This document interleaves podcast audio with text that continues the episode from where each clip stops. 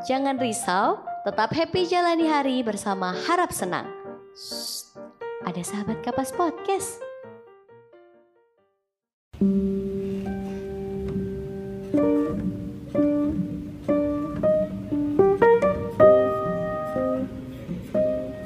Masih bersama aku Yukarisa, kita kembali lagi di segmen Kresek.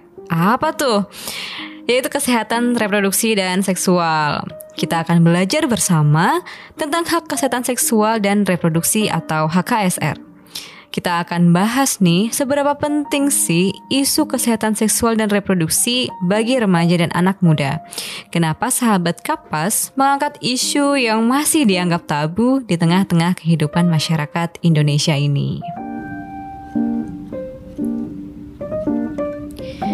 Di episode Kresek sebelumnya, kita sudah belajar tentang sentuhan aman.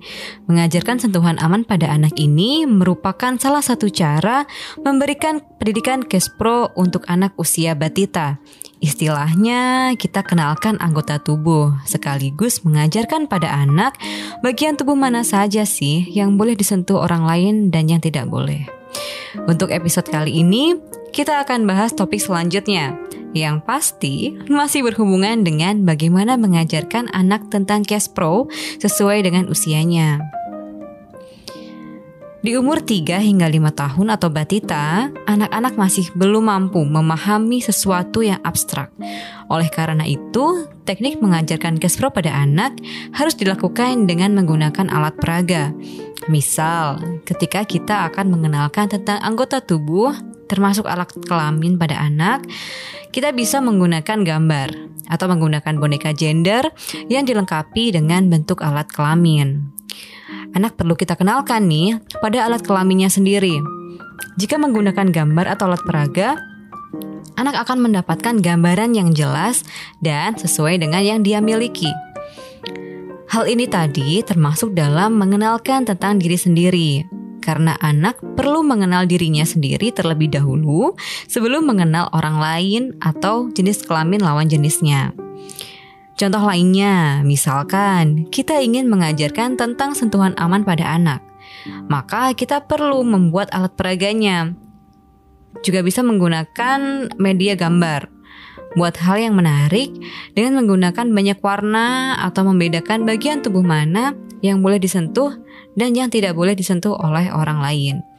Atau juga bisa nih menggunakan peragaan uh, diri anak sendiri, seperti memberi batasan pada baju dan celana yang anak kenakan. Belajar sentuhan aman dapat memberikan pelajaran bagi anak tentang memahami batasan diri. Batasan mana saja sih yang orang lain bisa menyentuh tubuhnya dan yang tidak? Dengan mengenal batasan ini, anak akan berhati-hati terhadap orang lain dan menghindar,kan anak dari perilaku tidak menyenangkan atau pelecehan seksual di kemudian hari. Biasanya, orang tua akan melatih anak untuk buang air kecil atau buang air besar besar di usia 3 hingga 5 tahun atau bahkan ada yang mengajarkannya lebih awal. Istilahnya toilet training ya untuk mempersiapkan anak sebelum memasuki masa sekolah.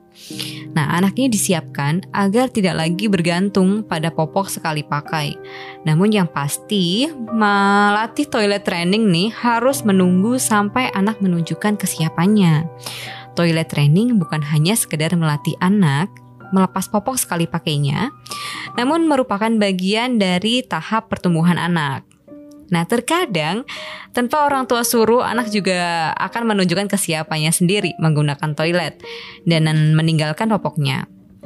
Nah nih, uh, aku mau mengutip dari alodokter.com, tanda-tanda anak sudah siap secara emosional untuk toilet training tuh seperti apa sih? Contohnya nih, anak menunjukkan ketidaknyamanan saat popoknya basah atau kotor dan dia minta untuk diganti yang baru. Kemudian juga bisa nih, uh, anak lebih memilih tel, uh, pakai celana daripada pakai popok. Atau anak juga bisa menunjukkan ketertarikan ketika orang tua sedang ke kamar mandi. Atau juga bisa memberitahu orang tua saat ia ingin buang air.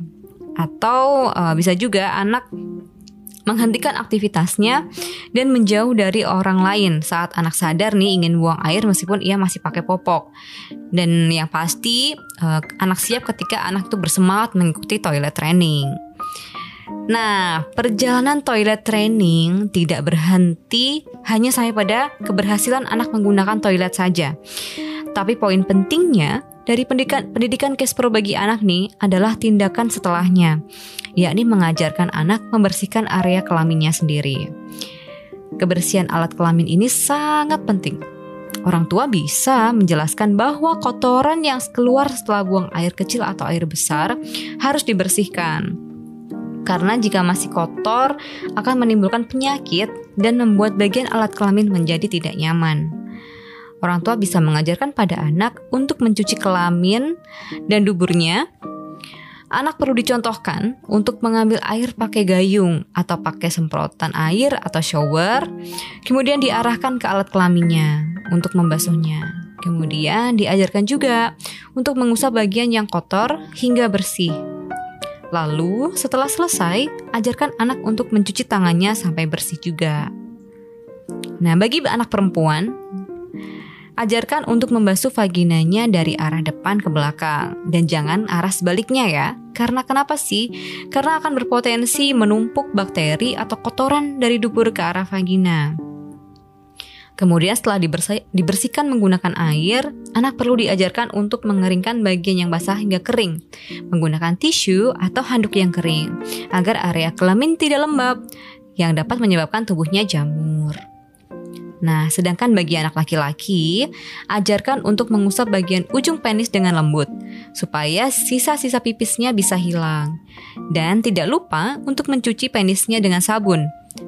Kemudian setelah selesai, minta anak untuk mengeringkannya pakai tisu dan handuk kering juga supaya tidak lembab. Oke, menjaga keringnya alat kelamin nih sangat penting untuk menjaga kesehatan alat reproduksi aktivitas yang tinggi, apalagi ya bagi anak-anak yang aktif bergerak nih akan memproduksi keringat yang banyak sehingga bagian uh, sekitar alat kelaminnya jadi sering jadi sering lembab. Oke, itu mengharuskan orang tua lebih peduli lagi dan sering-sering mengganti celana dalam anak agar menjaga kondisi area alat kelamin tetap kering. Baik, sangat menarik sekali ya teman-teman bahasan kita tentang kesehatan reproduksi kali ini. Dan jangan bosan mendengarkan info-info penting seputar seksual dan reproduksi dalam segmen Kresek. Dan nantikan episode menarik lainnya. Sampai jumpa!